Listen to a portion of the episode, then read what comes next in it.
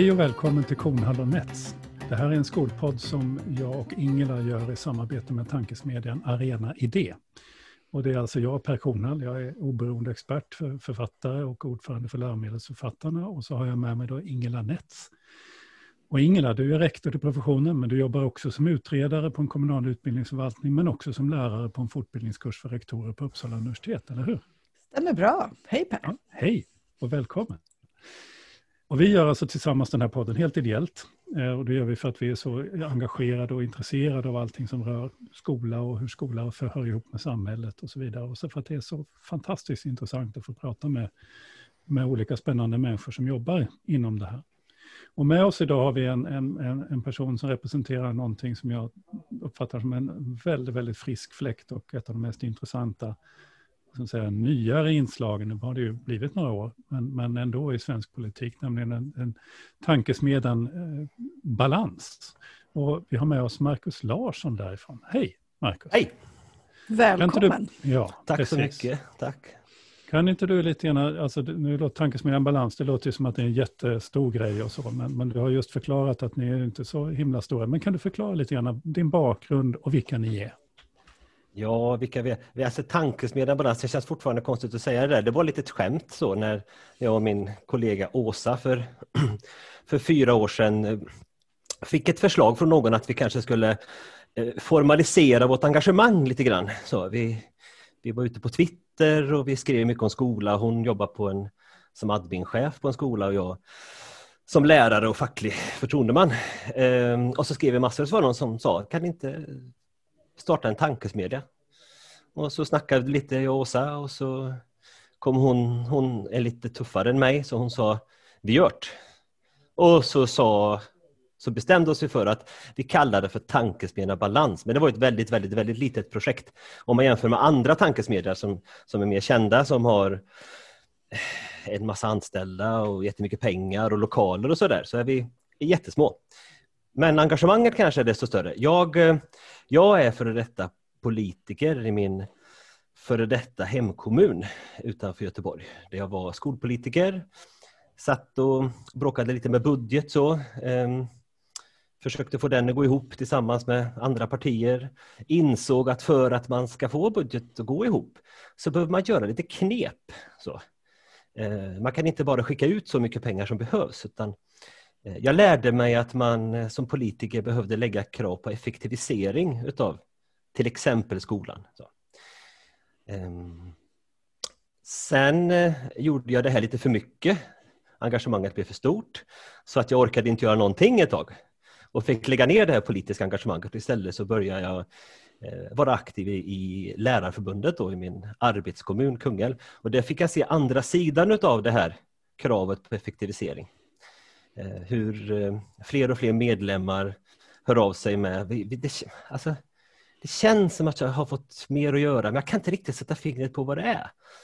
Och den här upplevelsen som många lärare har och har haft, och många andra välfärdsmedarbetare, att det är någonting här va, som gör att jag hela tiden får ökad arbetsbelastning, men jag vet inte vad. Den är det vi försöker sätta siffror och ord på när vi läser massor med budgetar, försöker beskriva vad som står i dem och vilka konsekvenser det får. Och Det här fokuset har tagit oss in på lite olika sådana eh, ämnesområden som till exempel hur marknaden, hur politiker använder marknad för att försöka hitta de här effektiviseringarna och vilka konsekvenser det ger. Så, men från början så var det budget och ohälsa. Sen har det växt lite grann.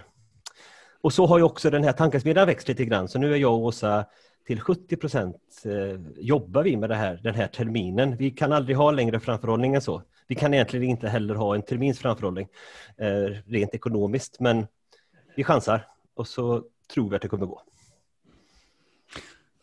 Namnet Balans? Mm. Vi var ju tvungna att heta någonting. Eh, och vi visste ju inte riktigt vad vi skulle heta. Och just då, för, för fyra år sedan, så pratade man fackligt mycket om de här... Det kom en ny AFS, en OSAN som den kallas, en organisatorisk och social arbetsmiljö eh, som handlade om att arbetsgivaren har som skyldighet att, att ordna till att det finns balans mellan krav och resurser i arbetet. Och våra, våra budgetgranskningar som vi hade gjort innan lite när vi var själva sådär på varsitt håll, de landar ofta i att den där balansen som lagstiftaren kräver av arbetsgivaren är svårt att nå den va? om man hela tiden ska minska på resurser och staten gärna skakar på kraven. Så där kommer ordet balans ifrån. Mm. Det är ett, ett, ett, enormt engagemang, alltså det är ett, och ett modigt steg av er att göra det här utan tvekan. Eh, och jag, jag, tror att det är rätt många lyssnare som tycker det här är spännande. Alltså vad, vad är det som gör att man... För, för, för ni, ni, ni, har det här engagemanget, ni, ni, jobbar så pass mycket med de här frågorna och ni gör det utifrån ett, ett engagemang och, och från någon sorts halvtideell, nu får ni lite pengar för att driva runt det här och så vidare.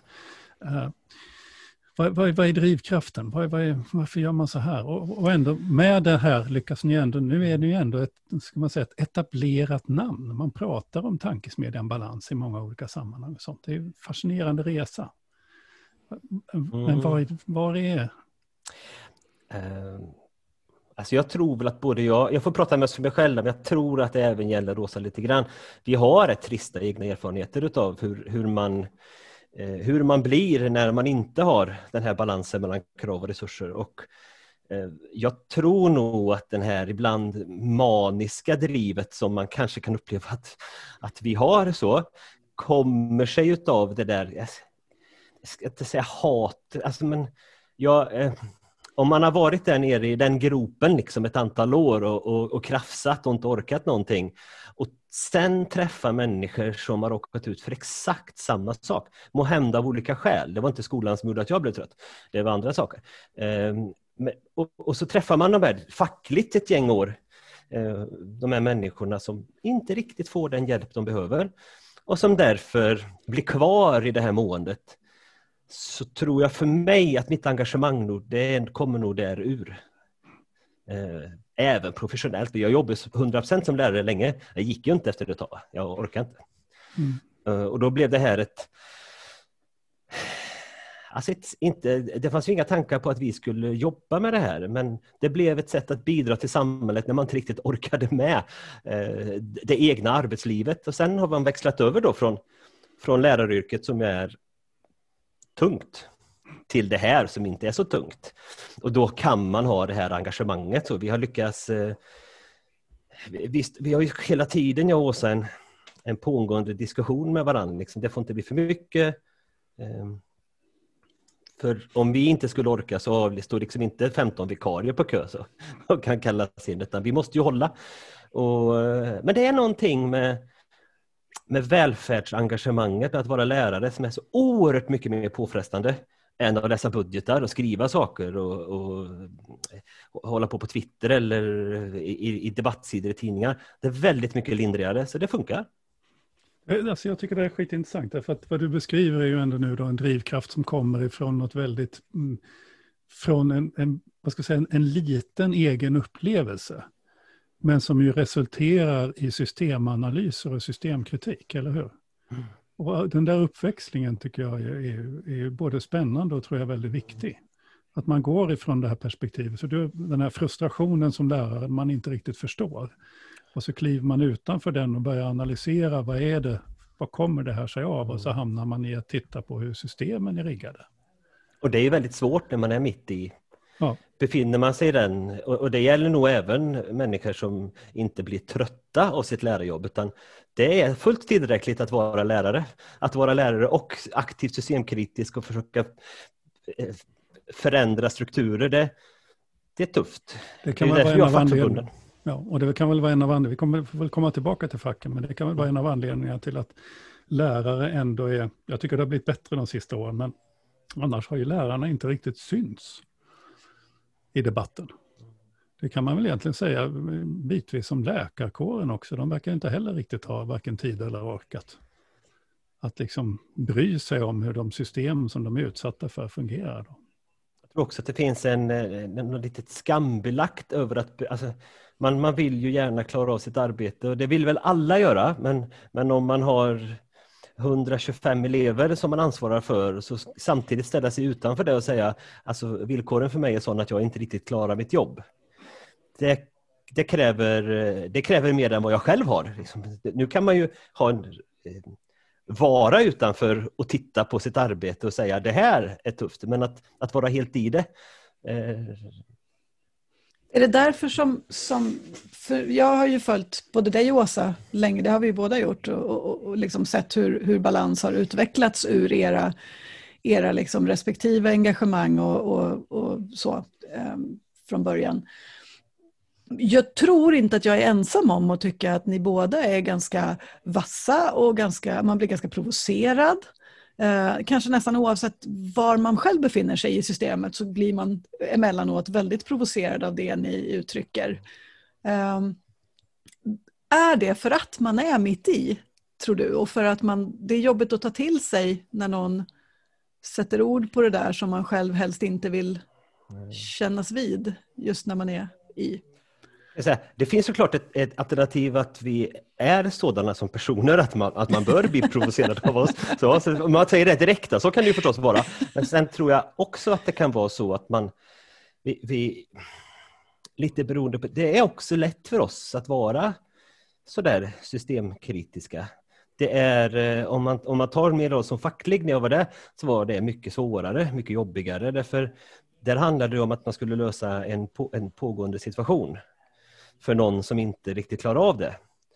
Eh, och Det är väldigt lätt att ställa sig utanför den och säga, men kolla vad fel alla gör här.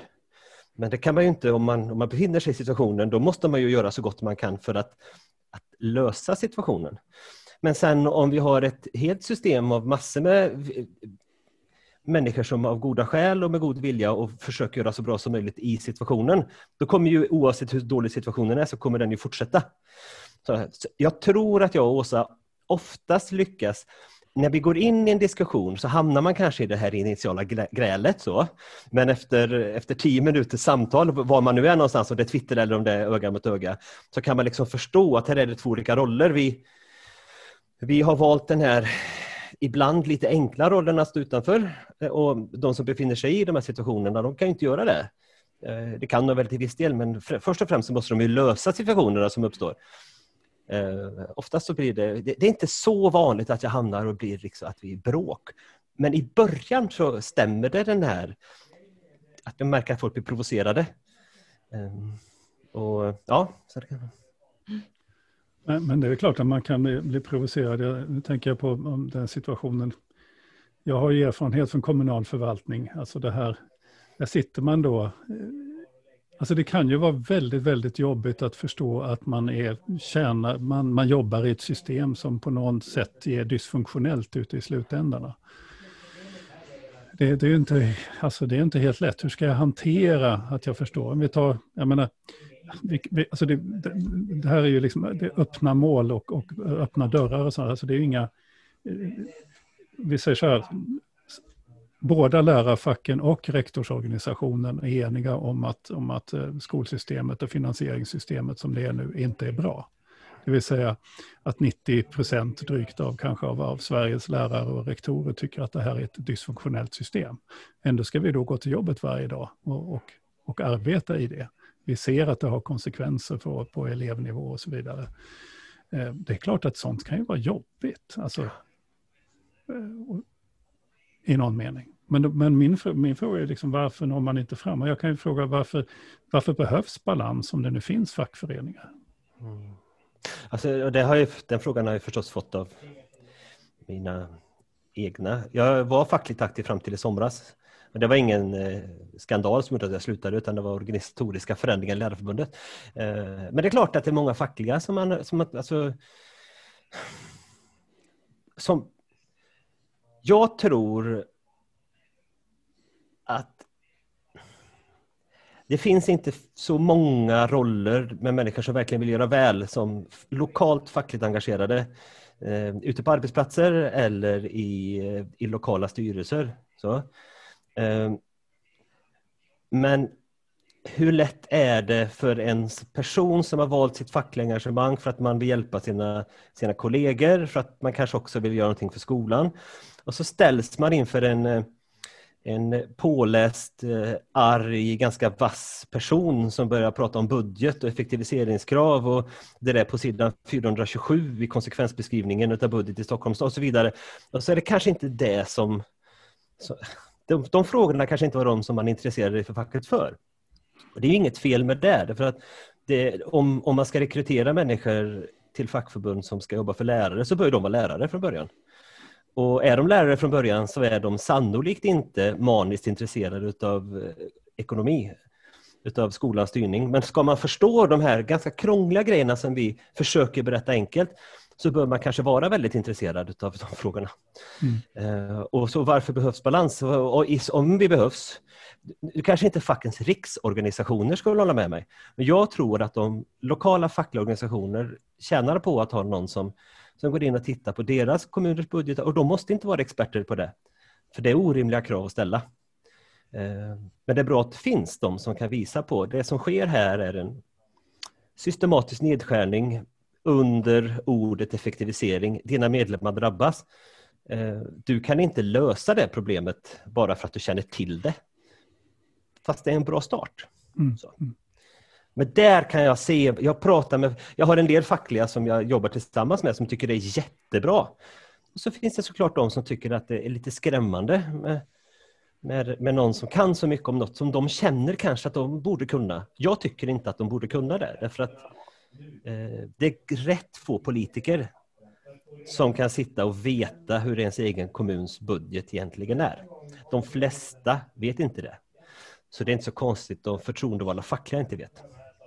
Men hur, för det där är ju så intressant, att, att um, när du säger att de lokalpolitikerna som faktiskt är de också som fattar besluten, som sitter med i rummet när man beslutar om en budget till exempel, egentligen inte förstår hur den budgeten är uppbyggd eller vad det får för konsekvenser eller liksom vilka, vilka habrovinker som är gjorda för att, att få liksom, en nolla på sista raden berätta, alltså förklara. Hur, hur kan det vara så? Vem, vem kan då ta ansvar om ingen riktigt ja, förstår? Alltså vi, vi har ett, ett, demokratiskt system som bygger på att eh, folk som egentligen inte jobbar med verksamhet eh, ska styra verksamheten och den tror jag väl inte att man ska lämna för det blir, kan man hamna i något väldigt farligt att man måste vara expert för, utan nu är mer politikerna någon slags eh, folkets representant där i till exempel en skolnämnd. Och, och, skolan är för krånglig för att man ska kunna förvänta sig att den som jobbar som någonting annat ska komma till ett nämndmöte en gång i månaden och förstå vad som står i budget. Så, eh, naturligtvis finns det eh, ordförande och vice ordförande och gruppledare och så vidare som har bättre koll jag skulle säga att när jag och politiker i majoritet har inte den, och kanske man kan inte kräva det heller, utan någon som jobbar i, i, en helt annan bransch. Problemet blir ju när de inte riktigt förstår att det är den rollen de har. Deras roll är inte att uttala sig och bestämma om skolan, så, till exempel i media, som för att de inte riktigt har den kunskapen. Um, och, äh, igår så lyssnade jag på ett kommunfullmäktigemöte i Härryda, för jag hade det, de skulle ta upp en fråga om IS och lokalersättning. Där. Och, eh, det var några andra twittrare, för jag tipsade om den här länken. Det är väldigt bra nu för tiden, man kan bara gå in och titta. Jag tror det var ganska många som blev liksom, är kunskapen så här låg? Men det är den, och det är för att det är folkets representanter som sitter där. Alltså de är ju deltidspolitiker och dessutom, och, för, och ska vi titta göra det ännu krångligare så är det så att eh, du nämnde nämnden, men nämnden är ju bara en liten del av det hela. Och sen så går ju besluten fattas ju egentligen då i fullmäktige, men där är ju inte situationen bättre. Det är också deltids, eh, alltså man, har, man gör ju det här på fritiden, det är ju ett, ett, ett, oftast ett ideellt engagemang. Och i någon mening ett system som är byggt för att hantera ett 1800-talssamhälle med, med några enkla frågor där man kan, som man kan avgöra på det sättet. Men, men så ser det ju inte ut i våra kommuner idag. Sitter du och läser den, eh, för att jag, jag håller på med en grej, så jag läser olika beslut från 90, tidigt 90-tal alltså, i, i, ny kommunallag och det skriver de liksom rätt ut. Det, det börjar bli väldigt krångligt att vara politiker. Vi behöver hitta ett sätt för politiker att delegera mer ansvar till, till de som inte är politiker och hitta liksom sätt att juridiskt lösa den problematiken så att de fortfarande är formellt ansvariga. Men att man som politiker, för att det har växt så oerhört mycket. De gör någon eh, jämförelse med antal anställda och sådär. Och, och, omsättning. Och det, det är något helt annat än att vara kommunpolitiker på tidigt 1900-tal. Mm. Jag, ska prova en fråga på dig. Alltså, för. Jag vet att vi ska prata sen lite grann om, om det som ni faktiskt har tagit upp, som, som till exempel marknadsskolan och marknadsmodellernas eh, sånt. Jag, sen tycker jag det är himla intressant att med den här bakgrunden du har, för vi har ju pratat med Johan Enfeldt. Han har ju en ganska liknande politikerbakgrund. Han har ju samma, eh, just den här förmågan, kunskapen som behövs för att dechiffrera vad som faktiskt pågår i de här olika beslutsfattande organen. Det är en väldigt, väldigt viktig roll. Va? Men det jag ville prova med dig är att är det så också att på grund av att det är så här svårt så finns det liksom en, en drivkraft eller vad man säger, för politikerna att lämna ifrån sig besluten till en marknad. Om förstår vad jag menar. Ja. Att släppa det här ansvaret gör det så mycket enklare att vara fritidspolitiker. Så att det är en drivkraft i sig i den här marknadsutsättningen som vi ser, eller skolmarknaden som växer eh, snabbt i Sverige.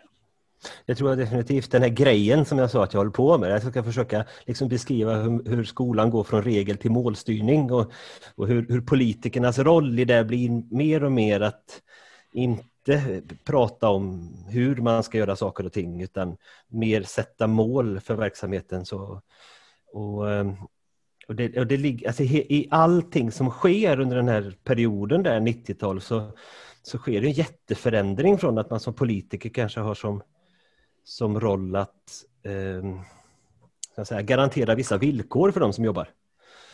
Till att sätta mål för vilken kvalitet verksamheten ska ha. Och det är ju ett sätt att liksom, göra sig av med ansvar. Eh, och det tror jag nog, ska man vara ärlig med, att eh, det är nog många lärare som tycker att det låter bra. Det är väl bra att vi får en ökad, eh, inte bara lärare, rektorer, andra, alla som målstyrs. Det är väl bra att vi som profession får en ökad eh, kontroll här över, över vår, att hur vi utför vårt arbete. Men det innebär också att man får ett ökat ansvar för sin arbetsbelastning, arbetsmiljö, som, som kanske har gått för långt. Det, och, och, som politiker vet ju jag att det är väldigt skönt. Sitta på möten, det kommer en jobbig fråga Ja, men vår roll är inte att lägga oss i eh, hur man gör, utan det är verksamheten som, som löser det. Och så säger man att behörigheten ska öka med 5 eh, Ni får ett effektiviseringskrav på 1 och så lämnar man till verksamheten att lösa det här. Ehm, och vilket ju är mycket skönare än om man skulle hosta upp pengarna som krävdes för att garantera till exempel en, minsta, eller en maximal undervisningstid. Mm. Och, och, då kommer ju frågan, vem är då till slut till syvende sist ansvarig för att ja att, att lilla Kalle inte fick den undervisning som han har berättigat till. Ja, den den har vi löser upp någonstans. All, alla, alla i den beslutskedjan kan ju hävda att det är någon annan som är det. Mm. Eh, med rätta också hävdar det. Mm. Staten kan ju säga att vi, ja, men vi har inte ansvarat för finansiering, det har kommunerna. Kommunen kan säga ja, men med statens orimligt höga krav så finns det inte en chans för oss att göra det här. Och läraren kan säga, vad ska jag göra? Jag, jag är ju liksom ett offer för omständigheterna runt omkring mig. Och alla har ju rätt förstås. Men, eh, men om, man, om, man, om man tänker att politiker, kanske inte uttalat men dock då, vill, vill liksom lämna ifrån sig det här stora komplexa ansvaret. Logiken skulle ju säga att, att man då skulle lämna det till tjänstemännen på, på en skolförvaltning till exempel. För de, de är ju rimligen experterna i det här sammanhanget. Där är det väl större chans att man förstår vilka konsekvenser ett beslut får eller, eller vad, vilka förutsättningar som måste vara på plats för att man ska kunna leva upp till någonting. Men, men är det alltså inte där besluten egentligen hamnar? Eller är det tjänstemännen som, som eh, går andras ärenden än, än skolans? Eller liksom bara, jag, jag vill peta lite mer i det där. Jag tror att det, eh, det stora problemet är att som hög tjänsteman i en, i en kommun Eh, så, så kan du inte ha ett annat synsätt än mina resurser är fasta, jag får den pengar jag får. Så det är inte ett alternativ att ifrågasätta den som att den skulle vara för liten. Så, utan jag, jag, jag har fått de här omständigheterna, de ska nå de här målen med. Eh, och sådan är ju, det finns ju däremot i skollag och arbetsmiljölag säger ju ingenting om att det förhållandet skulle råda mellan den som ansvarar för verksamheten, som i det här fallet skulle då bli tjänstemännen som har fått det från politiker, och att just inkomsterna är bestämda. Det finns ingenstans. Men i praktiken är det så. Och, och, Det gör ju att du blir sittandes med ett ansvar som är ständigt växande men du har ingen möjlighet att säga nej men alltså den peng vi får den är för liten för att klara det här. Och, Det ansvaret hade jag verkligen inte velat haft. Och det, det, det, jag, pekar, jag, tänker på det finns ju en, en, en, Skolverksrapport några år gammal nu, den är från 2012 eller något sånt där, men den handlar ju om kommunalt huvudmannaskap i praktiken, vilket var en rapport som man hade väldigt mycket problem att få igenom på Skolverket just därför att den, den blev så kritisk mot systemet. Alltså bara för att man gick ut och frågade, hur gör ni? Hur, hur tar ni hand om de här stora viktiga frågorna? Och det blev känsligt eftersom var det Skolverkets roll liksom att ha systemkritik och sånt. Men, men det som den säger, det är precis i linje med det, det du säger, det är att den här själva den basala delen av hela styrningen, det vill säga hur mycket pengar finns det i systemet? Eh, den var helt bortkopplad från frågan vilka behov som fanns. Alltså det fanns ingen som helst analys i de här kommunerna av hur mycket pengar skolan egentligen behövde. Utan man, budgetprocessen var som sån att man, man gav lika mycket som förra året eller mindre.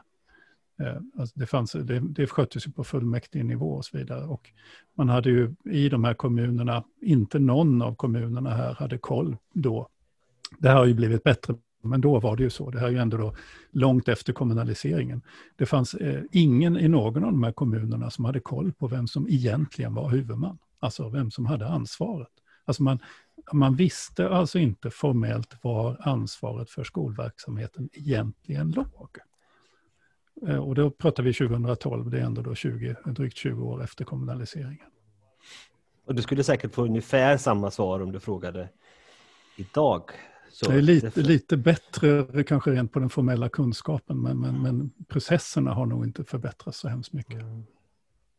Jag tror det just det här att det här, den här målstyrningen som kan låta väldigt trivsam, den är inte så trivsam för den som ju längre ner i den här organisationen du befinner dig då, med, med fasta resurser. Och det är inte så att vi är i balans, vi, det, det, kan ju, det tror ju en del det här vänsterprojektet Balans som tycker man ska göra skatten och vräka pengar över skolan. Det, den är, jobbar man som hög tjänsteman i en kommun och har möjligheten att säga får vi, får vi de här pengarna så kan vi bara leverera det här resultatet.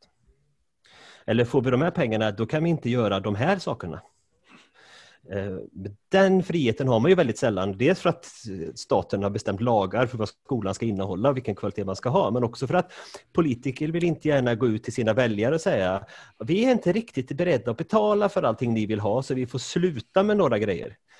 Det, det, jag har själv varit med som politiker och försökt att flytta ett bibliotek 200 meter och det gick inte. Därför det skulle komma lite mindre lokaler. Det fanns säkert skäl för de boende där att, att protestera mot det. Eh, och de lyckades också till slut. Men, men för mig det var som, som lärdom. Liksom, vi, vi genomför mycket, mycket liten förändring. Men det, ligger, det är så fast i folks alltså, begreppsvärld att vi ska hela tiden få mer, vi ska utveckla, vi ska, liksom, alltså, samhället gå framåt. Och som politiker gå emot och säga nej men det här har vi inte råd med, vi måste dra ner nu. Det vill man helst inte göra och då blir den där stackars förvaltningschefen där, eller vilken, vem vi nu pratar om, eh, blir ju den då som får, ja, men får lösa det här med givna resurser eh, så gott det går. Jag provar en annan tanke på det. Bengt Göransson som jag pratat med en gång i tiden, han menar att det stora misstaget i kommunaliseringen, i decentraliseringen, för det är här som jag menar allting börjar, alltså med, med ju Public Management, målstyrning och sånt, det börjar ju egentligen med kommunaliseringen och sen tjänsterna på lärarsidan. Och sånt. Men han menar att det stora misstaget med kommunaliseringen var att man flyttade ut makten till kommunfullmäktige. Han menar att det hade blivit en helt annan sak om skolan hade hamnat i skolstyrelsen, alltså i nämnderna. Det vill säga man hade skapat en, en sorts konstruktion av att pengarna kom helt enkelt till skolstyrelserna och där skulle då tjänstemännen i samarbete med skolorna styra skolan på, lokalt mer demokratiskt. Tror du om en sån sak? Alltså jag, jag, för det kommunfullmäktige bestämmer är resursram. Kommunfullmäktige sätter ramen. Sen bestämmer inte kommunfullmäktiges politiker så himla mycket. Mm. Jag skulle säga att om, om nu kommunerna överhuvudtaget har någon möjlighet att bestämma så mycket över skolan, just förutom resurser och kanske några extra pålagor, så, så sker det väl, i, tycker jag, nog, i de nämnder som finns. Eh, fullmäktige, jag tror väldigt få fullmäktigeledamöter skulle säga att de bestämmer över skolan. Snarare brukar det vara tvärtom, att de liksom, man hajar till sådär. När man, eh, jag vet som facklig så skrev man ju ibland eh, öppet brev till kommunfullmäktiges ledamöter angående budget. De, det, är inte min fråga. Det, är, det här är skolnämnden. Så jag vet inte. Jag, han mm. kanske... Han, han är ju betydligt mer insatt än mig eller var, men jag köper inte riktigt den. Att det mm. skulle löst problemet med... Egentligen bygger väl det på en fast, alltså på en fast, um, på, på sektorsbidrag. Jaha, jaha, någon annan sätter pengarna till det? Ja, ja men då hade det kanske, men så är det ju inte. I Nej. början så var ju, pratade man ju väldigt mycket om det här med med de olika statliga bidragen som fortfarande skulle finnas kvar. Så. Sen försvann ju de i ganska rask takt. Mm. Och, men det är klart att om staten skickar pengar för de här uppdragen som man vill ha och, och nämnderna som ska vara experter då faktiskt kan lära sig mer om skolans verksamhet så hade man väl haft bättre förutsättningar än nu. Mm. Um, men skulle det då vara en, en för det är en fråga som diskuteras nu, att, att staten ska, att man ska liksom återförstatliga skolan och så att staten tar tillbaka ansvaret. Skulle det vara ett svar på, på dilemmat när det gäller just eh, kompetens kring vem som bestämmer vad resurserna ska användas till? Alltså det finns väl, jag kan börja med ett, ett argument mot. Jag tycker inte att den debatten om skolan, riksdebatten om skolan ger inte bara bevis på att rikspolitiker har sån koll. Utan man vill ju gärna hitta, hitta sätt att styra skolan genom att sätta betyg i lägre åldrar och sådär. Så jag vet inte, det, staten skulle ju behöva visa ett större kunskap om skolan ifall det argumentet helt och hållet skulle gå hem. Det jag tror är att det är väl bra, hade varit bra om samma Alltså om, sa, om samma instans bestämde vilka krav man ska leva upp till som också betalar pengen så hade det varit enklare att ställa krav på att, att man ska ha en balans mellan de där två krav och resurser. Så det tror jag ju att vill man ändra på hur vi ser på skolan som en ständigt effektiviserande organism där man kan hitta små, små effektiviseringsvinster men ändå få bättre undervisning. Vill man ändra på det så är det nog ändra lättare att ändra det med en huvudman än med 290 plus x antal fristående huvudmän. Eh, men det, det behöver sägas att eh, staten har ju sitt eget sätt att lägga effektiviseringskrav. Varje, riks, varje budget som tas av riksdagen har ett, eh, ett krav på effektivisering som jag tror i år är 1,24-1,3 procent. Man kallar det någonting annat men det finns liksom varje budget sedan typ 1990 har det här produktivitetskravet i, så det skulle ju inte per definition bli eh, avbrutna effektiviseringskrav på skolan för att staten tar över. Snarare så skulle de på ett annat sätt eh, nästan lagstiftas. Nu får ju kommuner, det är ju inte så många som gör det, men en kommun kan ju bestämma sig för att inte lägga effektiviseringskrav på skolan.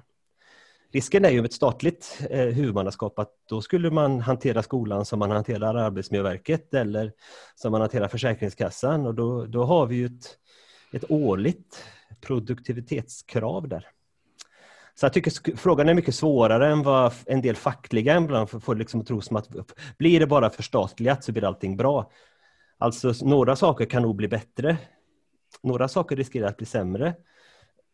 Eh, vill man lösa mm. hela den här eh, resursproblematiken så kan det nog vara rätt sätt att börja med. Men det är inte löst bara för att staten får Nej, men däremot så kan man väl komma åt en del saker. För jag tänker på det som ni nu har tittat rätt mycket på. Ehm, hur eh, koncernskolor och internationella engelska skolan, eh, om man ska nämna någon av dem, hur det liksom slår in i kommunernas ekonomi.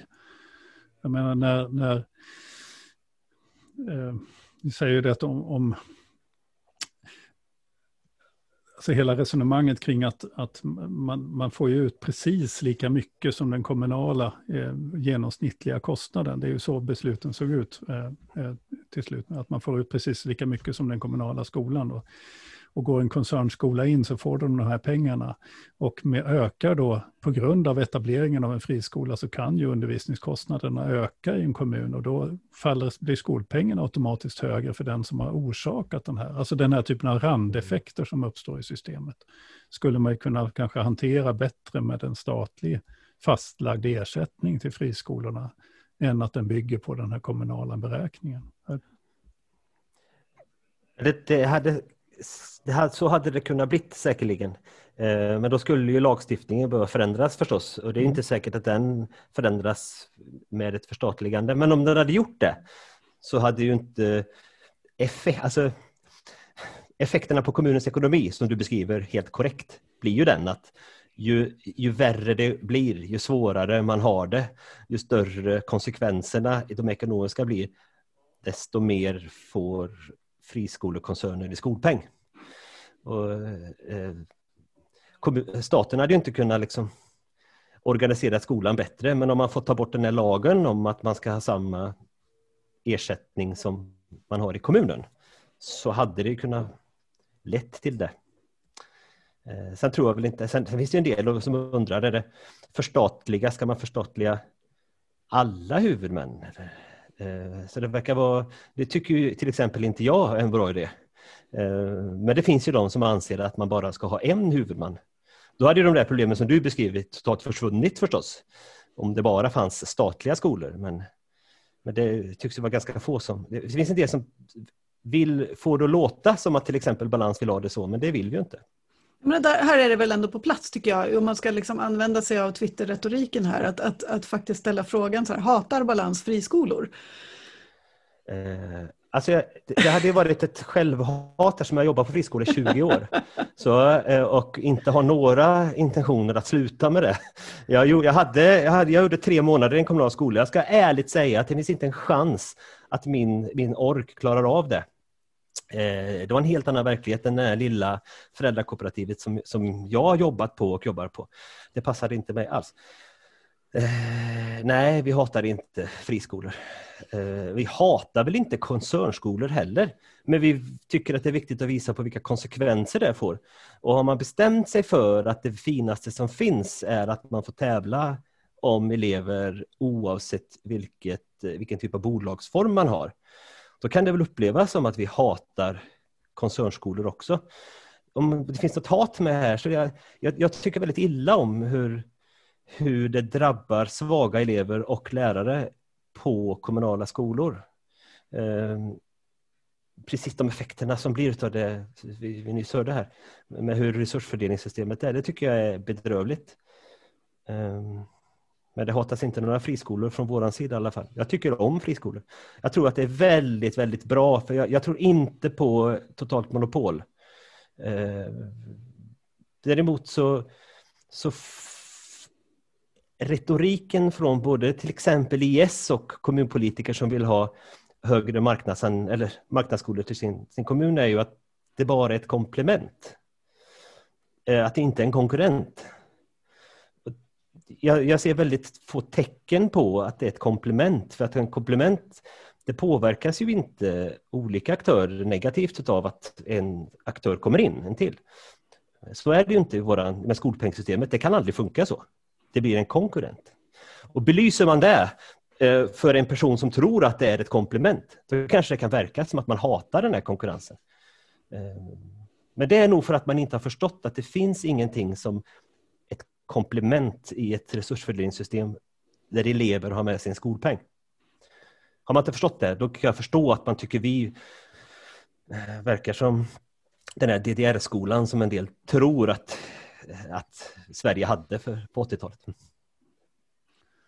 Men det riktar ju en del ganska så tydlig specifik kritik mot en del av de här etableringarna som då till exempel jag Härryda nämnde du, mm. men också Österåker. Eh, där är ni ju heller inte helt ensamma om det. det. det. är ju Per Molander som är en erkänd, välkänd utredare med goda kunskaper i, i både juridik och ekonomi, minst sagt. Eh, han menar ju att eh, många av de här etableringsmetoderna är, är troligtvis olagliga enligt den EU, gällande EU-rätt. Så det är inte som att ni, ni är helt ensamma här och bara så. Men, men, kan du beskriva lite grann vad det är ni ser? Vad är den här kritiken? Om vi lämnar det här allmänna, komma in på något sånt här specifikt område där ni har tittat in på vad som har hänt. Alltså det, det, här var ju när, när vi, jag och Åsa läste många budgetar och försökte belysa de här effektiviseringskraven så dyker det ju upp i kommunala budgetar och framförallt i konsekvensbeskrivningar. Eh, sedan IS startade så har kommunens skolor påverkats så här. Och så står de där.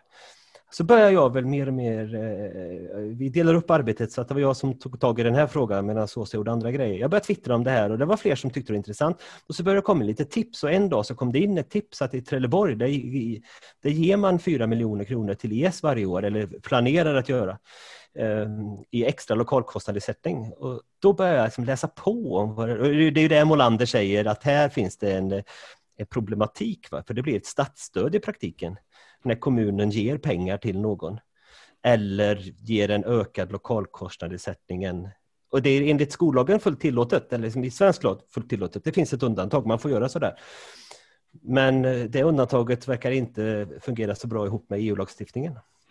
Eh, och, eh, alltså det, det, jag har gjort, det är väl att, att synliggöra att det inte alltid är så öppet öppet kring den demokratiska processen i de här kommunerna utan det sker liksom bakom i, i, interna möten och så plötsligt säger det tjoff så ligger det ett dokument på kommunstyrelsens bord om att nu ska vi sälja den här tomten till Skanska som ska eh, och IS ska flytta dit. Och ingen liksom, som, som har varit med då i det här, hur gick det här till?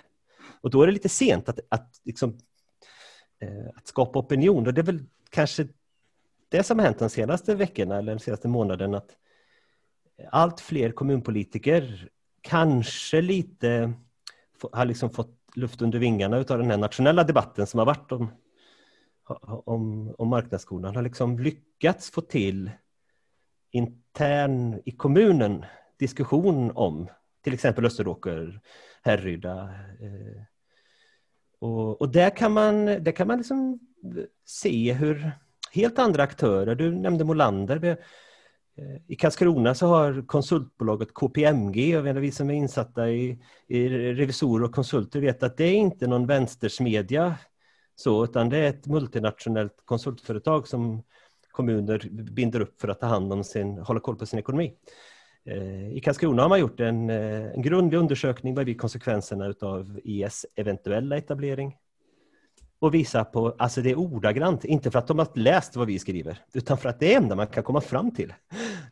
Ökad segregation, ökad kostnad för kommunala skolan, tveksamt om det är juridiskt rätt. Troligen inte kommer man fram till det. Alltså, det är troligtvis felaktigt enligt lagen att ge den här typen av stöd till IS. Mm. Um, men så, det här, jag, måste, jag måste få stanna här, för att jag, jag förstår verkligen inte det här eh, utifrån perspektivet att, att om, om jag som kommunal, kommunalpolitiker, alldeles oavsett partifärg nu då, eh, har, har liksom på mitt bord att, att ha ansvar för att skolverksamheten i kommunen är så bra som möjligt. Och så fattar man ändå ett beslut som får de här konsekvenserna. Att man, och som du säger, man, man ger pengar till. Och då tänker jag att det är i form av att man, man säljer en tomt väldigt billigt eller, eller man får hyra en fastighet nästan gratis. Så jag tänker att det är det du menar med ger pengar eh, till ett, en, en koncernskola som vill etablera sig. Jag menar, man skjuter sig ju själv i foten jag, jag, förstår verkligen inte. Vad är det för drivkrafter då som, som gör att man ändå fattar de här besluten? För man är ju den som är ansvarig för hela kommunens skolverksamhet. Jag kan ju... Det här ska jag försöka nu. Det, det är en, en av de svåraste frågorna som jag får, och jag får den ibland. Det är, men hur tänker de? Och den här boken som, jag, som vi gav ut här i somras, den, den har liksom ett resonemang eh, som var på den nivån jag var då för ungefär ett år sedan. Nu har jag kanske utvecklat just den, svaret på den frågan som du ställde. Alltså vi, skolan är i de här kommunerna inte en utbildningsfråga. Jag pratar om IS. Det är inte en fråga för utbildningsnämnden utan det är mer en näringslivsfråga. Eh, det är kommunledningen som sköter samtalen med IS. Det är eh, bostads eller byggnadsnämnden som kopplas in först för att titta på vart passar det i kommunen, vart vill vi ha in, vart, vart har vi, var har vi tomt eller har vi någon, någon lokal som vi inte behöver använda. Det är först när det, det liksom är i närmaste klubbat och klart som det här skickas vidare till utbildningsnämnden. Det här anser jag är ett ganska typiskt exempel på vart marknadsskolan leder. Den leder till att politiker inte har som sin huvud, huvuduppdraget för en, en, ledande, för en majoritet i en kommun är inte att se till att de egna skolorna är så bra som möjligt, utan det är att garantera att här finns det många skolor att välja mellan. Här finns det populära skolor här finns det skolor som många, många ES-kommuner, det har ju politikerna sagt, att vi tror att vi kan få hit utländska företag. Eh, om, vi, om vi ser till att ES, och det funkar ju inte nu när alla har en ES, då får man ju ingen komparativ fördel av att ha en eh, jämfört med andra kommuner. Då. Men det är det anges som skäl.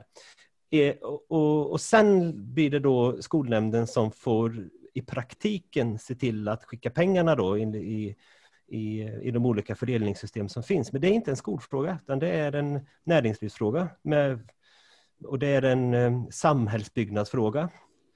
Eh, Ett svar på din fråga är ju också, Ingela, jag har en erfarenhet från den, den tiden, mera vilda västern-tiden i början när de här systemen rullades ut i Sverige och från en, en liten kommun då var det ju, alltså, du säger varför vill den här tjänstemannen och då ser du den gode tjänstemannen med ett, liksom, någon sorts ansvar för medborgarna i det här. Men, men det är faktiskt att den tjänstemannen nu blir bara ett, är ju, är också ett, ett, uttryck för ska, ju, för, ska ju bara ge uttryck också för den politiska viljan som finns. Det är den politiska viljan att göra en samhällsförändring och så var det ju i början av de här processerna. Så var det ju meningen att, att skapa Eh, Eh, I den kommunen som jag pratar om här, Upplands Väsby, då ville man ju ha en, en, en kommunal, man ville ha ett mönsterexempel på hur den här strukturomvandlingen skulle se ut. Och därför ville man då snabbt följa till exempel Nackas fotspår. Det innebär att man de facto gav bort skolor till de rektorer som ville ha skolor och som sen kunde naturligtvis i den mån de ville eller inte ville sen sälja dem vidare till koncernerna när de växte fram. Men man gav bort skolorna. Man, man, man bara gav över så att säga Eh, de betalar ju inte ett öre för det här. Eh, och det är bara ett uttryck då för en politisk vilja och den högste tjänstemannen i det här fallet utförde ju så att säga den här viljan som fanns eh, att göra en politisk förändring. Och den politiska viljan bygger på att man, man gör någon sorts bedömning att man säga, faller medborgarna i smaken och, och lockar till sig kanske köpstarka boende då, som vill bo i kommunen för att ja. de har en, en attraktiv skola att välja för sina barn? Är det liksom det?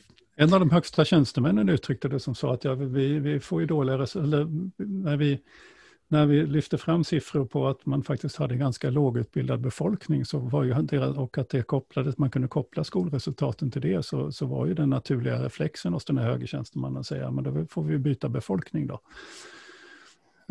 Så, så att vi blir attraktiva. Ehm, så så det, alltså det finns alla möjliga konstiga resonemang. Men i det ligger också där, eh, också hur det här går till då. Den här, jag har ju en berättelse från en, en sån här person som berättar för mig hur det gick till. Hur, hur man skulle skriva ett utlåtande vid en etablering av en friskola. Och eh, en av de högsta tjänstemännen kommer in. Hon, var, hon kom direkt från en statlig eh, myndighet. Så hon var van vid att göra saker som man alltså, ha, hade en väldig tjänstemannakod i ryggmärgen. Så hon påbörjade ju ett yttrande om konsekvensbeskrivning av en etablering. Eh, men den höga tjänstemännen kom in och ställde sig, stängde dörren bakom sig och dikterade för henne vad som skulle stå i utlåtandet. Det blev för henne liksom ett chockartat uppvaknande i en annan verklighet. Så vi, alltså vi ska vara medvetna om att det händer allt möjligt där ute. Alltså det finns eh, stat och, och, så kan inte ha en naiv inställning till vad det är för drivkrafter och vad det är som håller på ute i samhället. faktiskt. Alltså, så, så jag vill ibland försöka försvara politiker sådär, för att det är inte lätt att vara politiker. Och de, när det inte blir en skolfråga, utan när det blir eh, eh kommunledningskontoret eller när det blir eh, någon eh, ordförande i byggnadsnämnden som får ta i det här, man kan inte kräva att den personen eller de personerna förstår skolpengens effekter och lokalkostnadens effekter när en friskola, när en koncern öppnade till exempel Härryda och, och, och 60 procent av alla elever kommer från närområdet, 40 procent kommer från andra delar, stora delar. Alltså de effekterna som det ger på kommunens egna lokalkostnader i varje skola i hela kommunen. Eh, jag har, och du också, och ni också, liksom satt oss in i det här. Så det är inte så svårt för mig att förstå att det är klart att om, om IS startar en skola med 600 elever, då kommer de eleverna att komma från kommunala skolor. Då kommer det uppstå hål i de klasserna och då kommer genomsnittslokalkostnaderna att öka eftersom man kan inte gärna säga upp 7% av en lärare som skulle vara i klassrummet eller man kan inte leja ut 14 kvadratmeter till Connys Svets som ska ta hand om den. Alltså, det här går ju inte att göra. Men, mm. men, om man inte är insatt i skolans värld eller fördelningssystemet, då kan man nog lätt tro det gör väl ingenting om det kommer en till skola som man får välja mm. mellan. Det är väl jättebra. Vi vill ju ha ökad valfrihet. Um, och den här, då behövs det ju väldigt modiga tjänstemän för att komma in till den andra delen av det du sa där. Då. Och det jag tror att jag har twittrat det någon gång att de Sveriges just nu modigaste skol, skolpersoner, det är tjänstemän som skriver rätt ut i, i konsekvensbeskrivningar vad som kommer att ske. Därför de vet vad som kommer att ske. Du ska också i en politiskt styrd verksamhet sätta det där och så här, sätta ditt namn på. Det ni vill göra är dåligt. Alltså Harry, det är mitt favoritexempel. Va? För där, jag skulle eh, vilja åka förbi med några rosor till, eh, jag vet inte vem, men de på förvaltningen. För de skriver väldigt rätt ut. Och jag tror att det kommer bli vanligare att skriva rätt ut i och med att granskningarna ökar. Därför det kommer bli jobbigare liksom, att försöka snabba igenom processen.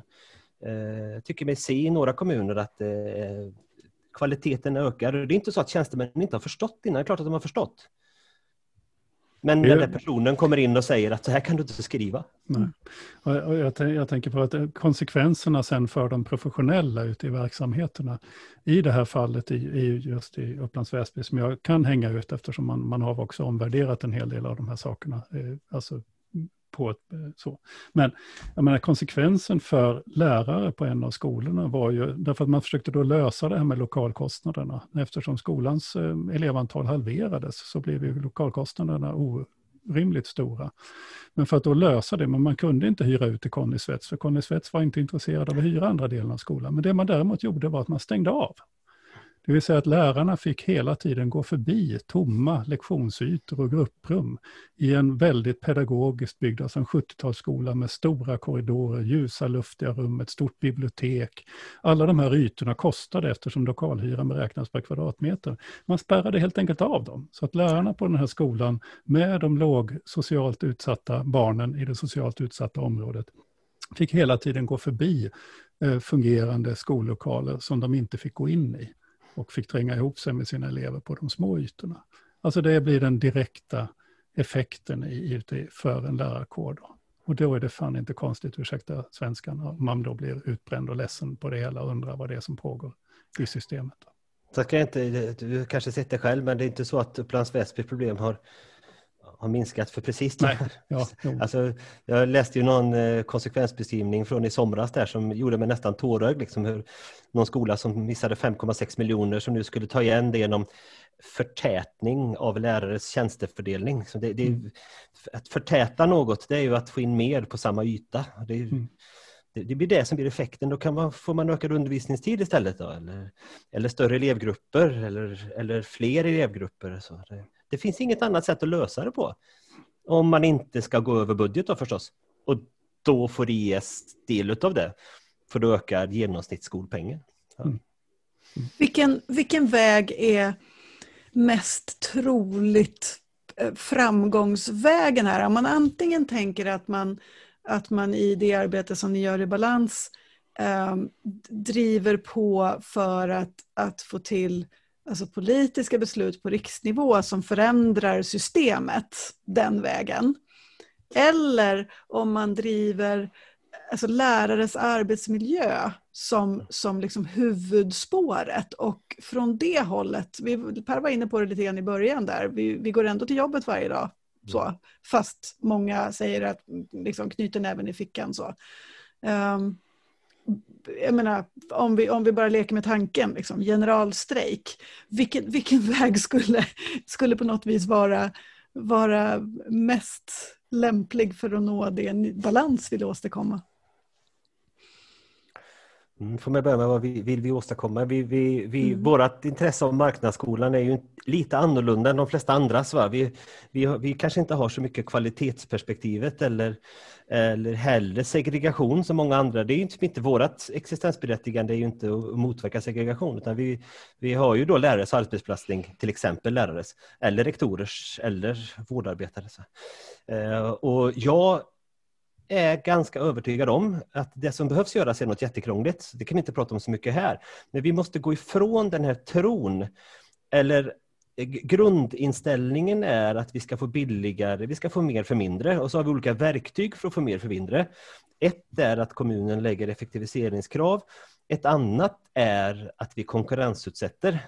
För i all annan verksamhet har det bevisligen varit så att, att eh, saker och ting har producerats bättre och billigare. då borde det också gå i skolan. Eh, så länge vi har den tron och att också politiker ska sätta mål som de här verksamheterna ska tävla om att nå. Eh, och så, så länge vi har den föreställningen att vi kan nå de här vinsterna, de här billigare sakerna till, ett, eh, till en högre kvalitet och att vi har ett antal verktyg för det, då tror jag eh, det kommer bli svårt. Ta till exempel den här biblioteksfrågan. Eh, när Fridolin nu säger att det är bra om det finns i bibliotek. Och de ska se ut på ett visst sätt. Det är en typisk regel. Man säger så här ska biblioteket se ut. Och eh, Friskolans riksförbunds VD går ut och säger ja fast man kan också ställa böcker i korridorerna. Ja, därför att i hennes, alltså hon måste försvara målstyrningen här att hennes medlemmar ska ha olika sätt att nå den här kvaliteten som bibliotek ska kunna bidra med i undervisningen medan eh, utredaren kommer med ett förslag om att nej, vi ska ha en regel. Regeln är jättekostnadsdrivande. Så hon förstår att det, det, vi kan inte, så, så jobbar vi inte i Sverige. Eh, utan vi, vi ska ha våra olika sätt att nå, och då kanske de kan vara billigare och det kan uppstå vinst. Så, så länge vi har det där målsättet att se på saker och ting som är det är inte så att alla andra länder håller på så. I Norge så har man en, någonting som heter en du nu kommer jag inte på exakt något, en norm för hur många barn som får finnas i barngrupper på förskolan. Eh, det är många förskollärare som tycker att den svenska riktlinjen, eh, vad det nu är, 69 barn i, i småbarnsgrupper och, och 9 till 12 i äldre barn som ju inte i närheten följs. Eh, därför att man har inte möjligheten att ställa den typen av regelkrav. Medan i Norge säger man ja, tre barn, en vuxen. Upp till tre år. Sex barn, en vuxen. Upp till sex år. Det är regeln. Det är något helt annat än mm vi ska ha den här jättebra kvaliteten på förskolan. Vi har en riktlinje att man bara ska vara 60-tal. Vi vet att man inte håller dem. Mm. Och, och, Det här tror jag är, det blir lite mitt eget nästa mål, det är att förklara för lärare att när ni säger att ni vill ha undervisning, USK till exempel, när ni säger att ni vill ha en viss tid till förberedelsearbete, när ni säger att ni vill ha en viss, inte, eh, inte för stora klasser eller för stora barngrupper. Det ni säger är att ni vill ha det lite som man hade innan 1990 där det fanns regler som styrde och politiker som var tvungna att leva upp till de krav då, tillsätta resurser för det, eller sänka reglerna förstås, kan man göra. Den här tävlan vi har nu, High Chaparral-tävlan, alla ska bli bäst. Det ska inte finnas några dåliga skolor. Ut och tävla, ni får lite mindre varje år.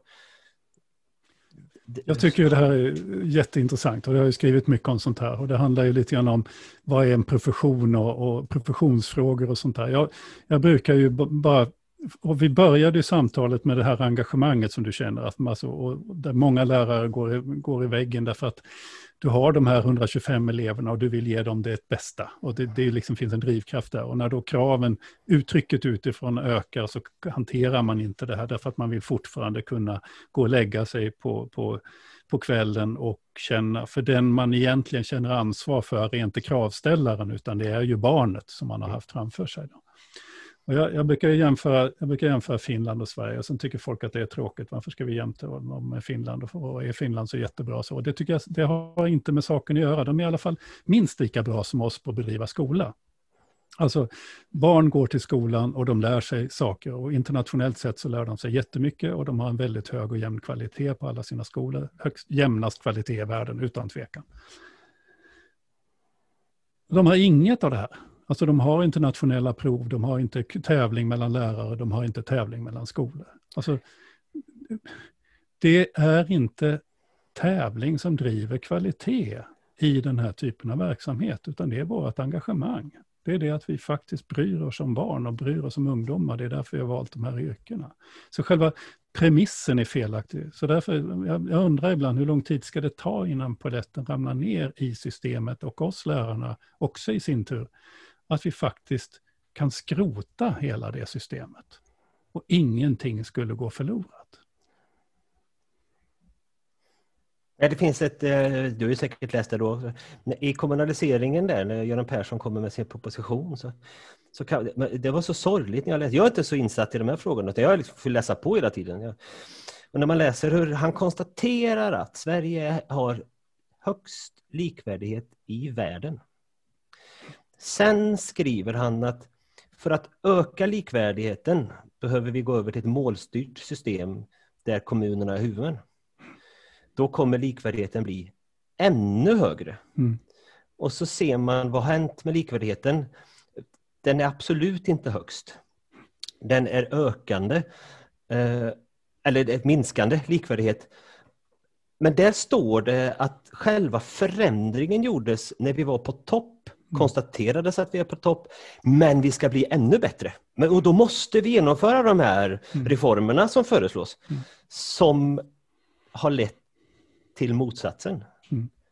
Um, och det är, kan, man, kan man formulera det, förklara det? För, det är inte så att inte folk har förklarat det här. Det är flera andra, alltså det är jättemånga som förklarar det här. Utan man får fortsätta. Det balans har vi är ju inte en unik men ändå ganska bra Eh, spridningsgrad bland lärare. Så vi kanske kan hjälpa till med att förklara att det ni egentligen säger att ni vill, det är att gå tillbaka till det där systemet som vi hade förut. Allt förr är inte bättre. Inte så att man sitter tillbaka och säger, men gud vad bra det var förr. Det finns säkert saker man kan behålla.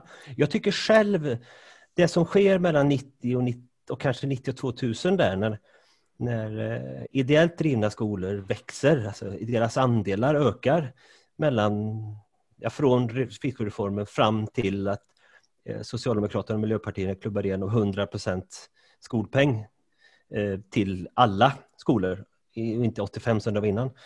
Under tiden det var lite lägre skolpeng så hade vi inte aktiebolagsskolorna eller koncernerna men däremot så växte de ideella skolorna jättemycket.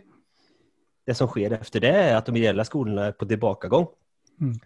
Eh, Medan koncernskolorna då har hittat, alltså, inget konstigt med det här, aktiebolagsägare eller folk som har pengar vill tjäna pengar på olika saker. Här ser man att man kan tjäna pengar på att investera i svensk skola. Eh, inget fel med det därför att vi tillåter dem och vi till och med uppmuntrar dem. Så. Eh. Men, det, men det var inte det vi ville och det Nej. säger ju också de här Nej. politikerna som klubbar igenom det. Det de ville var ju den här utvecklingen fram till då, kanske 2000. Det var de här oberoende, det var alternativen och, och som ett komplement till ett bra man, offentligt skolsystem. Mm. Man behöver ju inte säga att allt är dåligt. Mm. Jag tycker till exempel att det är nog bra med en liten andel alternativ. Som kan jobba på på det sättet som man skriver i, i tidigt 90-talsdokumenten där. Som kan testa lite olika metoder, som kan eh, experimentera mer. Nu, nu, eh, nu har vi ju ett enormt experiment med att ha undervisning på engelska istället. Som fler och fler koncerner vill ge sig in i och köra med. Eh, var det den typen av experiment, experimentet att hitta lönsamma elever via engelsk undervisning, var, var, var det den, jag tror inte att det var den typen av experiment man menade. Mm. Nej, det är intressant. Vad är balans nästa? Vi ska försöka avrunda för nu. Tiden går eh, för oss. Åsa har, eh, vi har ju, även om vi pratar mest skola här och så blir ju mest, vi är ju skolpersoner så det är inte så konstigt att det blir mycket skola. Men vi, Åsa jobbar lite grann med eh, äldreomsorgen och försöker belysa vad, vad är det egentligen? När, när, nu pratar alla om att vi måste satsa på äldreomsorgen, då är det ganska bra att veta hur läget är. Mm. Hur det har varit innan och, och, hur man har sett på styrningen där. Jag har som målsättning att på ett så smidigt sätt som möjligt blanda mig i avtalsförhandlingarna mellan SKL, SKR och eh, lärarfacken. Genom att prata om de här förändringarna i avtal som har skett sedan 1990. Mm. Eh, jättekänsligt, här får man verkligen tassa fram. Eh, men om, om man har det här systemkritiska, titta på vad man ville åstadkomma, titta på hur det såg ut innan, titta på hur det blev. Så, så finns det skäl att ändra på en del grejer vad gäller eh, säkra arbetsvillkor, säkra arbetsbelastning. Mm. Eh, förhoppningsvis kan facken få hjälp av det. Mm. Så det är det vi, sen ska vi, har vi bestämt oss för i också att skriva en, en, en tredje, en, den här trilogin ska få en, sin bok nummer tre. Ja, vi vet inte riktigt nog mycket om det än för att prata om det här, men vi ska. Vi brukar göra så, vi bestämmer oss för en sak och så kör vi och så brukar det bli bra. Så vi, mm. Den ska handla lite mer om, eh, om vad man konkret behöver göra för att förändra då de här sakerna som vi ser fel. Har du något exempel på en, en önskeförändring som du skulle vilja se klubbad imorgon i svensk riksdag? Ja, det, det, jag kan inte svara på den eftersom de, eh, ja, vi, vi ser ju sådana jobbigt stora behov utav, mm. utav förändring. Utan det vi, det vi kanske kommer sluta i den boken det är väl hur kan människor organisera sig för att gemensamt kräva den här förändringen. Eh, inte så mycket fokus på vad politiker behöver förändra. Utan vad är det för någonting? Vad, vad, eh, det finns ju andra länder som har ändrat skolsystem vad kan man lära sig från dem till exempel? Eh, och vilken roll kan fackförbunden ha i det? Jag tror jag är ju mest fackpositiv i hela Sverige. Jag tror att det är eh, nästan enda räddningen är att fackförbunden tar en mer aktiv roll och driver medlemmars frågor och driver politiska frågor på ett annat sätt än tidigare. Och det kan man kanske lite grann se de sista månaderna att man är på gång. Det kanske, vi kanske kan få en övergång från det här Twitterbråkandet till organisering. Ja, jag hoppas det. Mm. Eh, Twitterbråkandet var väl ett sätt för oss att nå ut. Det är inte så att vi, vi går Nej, inte alltså, Jag menar inte för dig, jag menar inte de kritik, jag menar en övergång i samhället ifrån att vi bråkar på Twitter ja. till att vi faktiskt organiserar oss. Ja. Och, och... Alltså få tillbaka tron på att många människor kan göra förändring. Mm. Eh, det är som att vi helt har glömt det. Mm. Eh, och, och, vi, vi, jag ska inte säga att vi gör oss till offer, för det tycker jag är, det är att döma för hårt, men vi, vi har missat det här att allt, allt vi har haft och allt vi fortfarande har har ju tillkommit för att många människor har gått ihop och sagt att det här vill vi ha. Mm. Och NPM har, alltså New Public Management, det finns mekanismer där som, eh, som sågar ner de grenarna mm. att stå på för de ja. som vill organisera sig. Ja, och det är med, medvetet ifrån några av de ideologerna från början. Så, det, så är det. Ja, du, jättetack Marcus. Vi måste avrunda Tack för att jag fick vara här. Ja. Verkligen, spännande. Ja, och tusen tack och tack för ert arbete. Det är också tack. spännande att, att, att det här lilla engagemanget, eller lilla engagemanget har, har, har alltså det har bara fortsatt och nu har ni en, en, en plattform och en, en röst i debatten. Så det, det kan vara ett inspiration för många andra människor tycker jag. Mm. Ja, men och precis det är ju något vi, vi ganska ofta har återkommit till i, i våra samtal och möten här. Just den här hur sociala medier och, och liksom landskapet där på något vis har gjort det möjligt för väldigt många människor att, att, att göra sin röst hörd och att, att få fler att lyssna och så småningom faktiskt också kunna påverka. Ehm, det är intressant att se vad som händer. Mm. Men tusen tack Marcus. Tack så mycket. Tack. Hej då. Hej.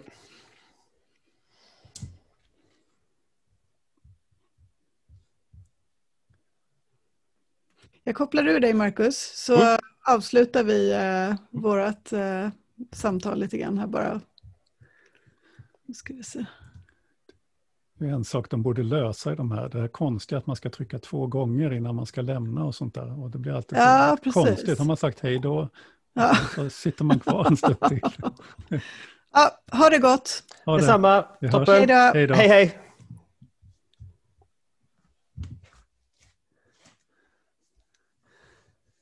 Jaha. Spännande ja. samtal. Ja, verkligen. Och jag blev påmind om de här sakerna som hände i Upplands Väsby som jag inte har tänkt på på länge. alltså, det är så jävla ja. förfärligt. En del av det var så jävla äckligt, ja. ut sagt. Mm. Ja.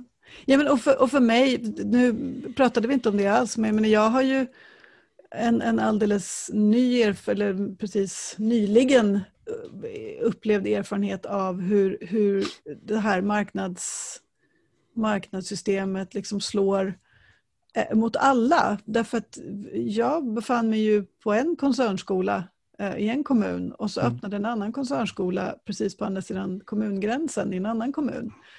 Och min skola som låg geografiskt närmast blev ju hårt drabbad av att, att det plötsligt kom en spännande konkurrent som erbjöd någonting som, som vårdnadshavarna tyckte att deras barn behövde. Mm. Um, så det blir ju någon sorts dominoeffekt som liksom drabbar alla i systemet. Mm. Um, på något och, vis. och, och där, där, den, där de statliga reglerna via Skolinspektionens godkännande. Att det är faktiskt det, det är konstigt. Vi har ju undantag från, från det kommunala självstyret just när det gäller skolverksamheten. Mm. Den ska, alltså i normalfallet ska man ju, systemet bygger ju på att kommunerna ska planera för välfärd och så vidare. Men just när det gäller skolor så är de inte tillåtna att ens kunna planera för sin verksamhet. Nej. Därför att det är staten som godkänner om en etablering av en skola. Mm. Mm. Därför att man från rikspolitikers ville så att säga köra över motsträviga kommunpolitiker. Just så mm. just i den frågan tyckte man inte självstyret var så himla viktigt. Nej. Så det, det är ett, det är ju, men man hittar ju spår av sådana här saker. Mm. Och på nästa nivå då så finns det, finns det lokalpolitiker som, som går emot vad tjänstemännen gör, de bedömningar som tjänstemännen gör av vilka effekter en, en etablering till exempel kan få. Ja. Där ju också kunskaperna har varit låga. Jag tycker det är mm. intressant, nu, balans är inte alls inblandad i segregationsdebatten, men jag tycker det är ganska intressant hur då segregationseffekterna av etableringar eh, mm. också blir uppmärksammade nu runt om i landet, därför att tjänstemän och politiker eh, börjar helt plötsligt förstå alltså, och analysera vad som faktiskt pågår då. Mm.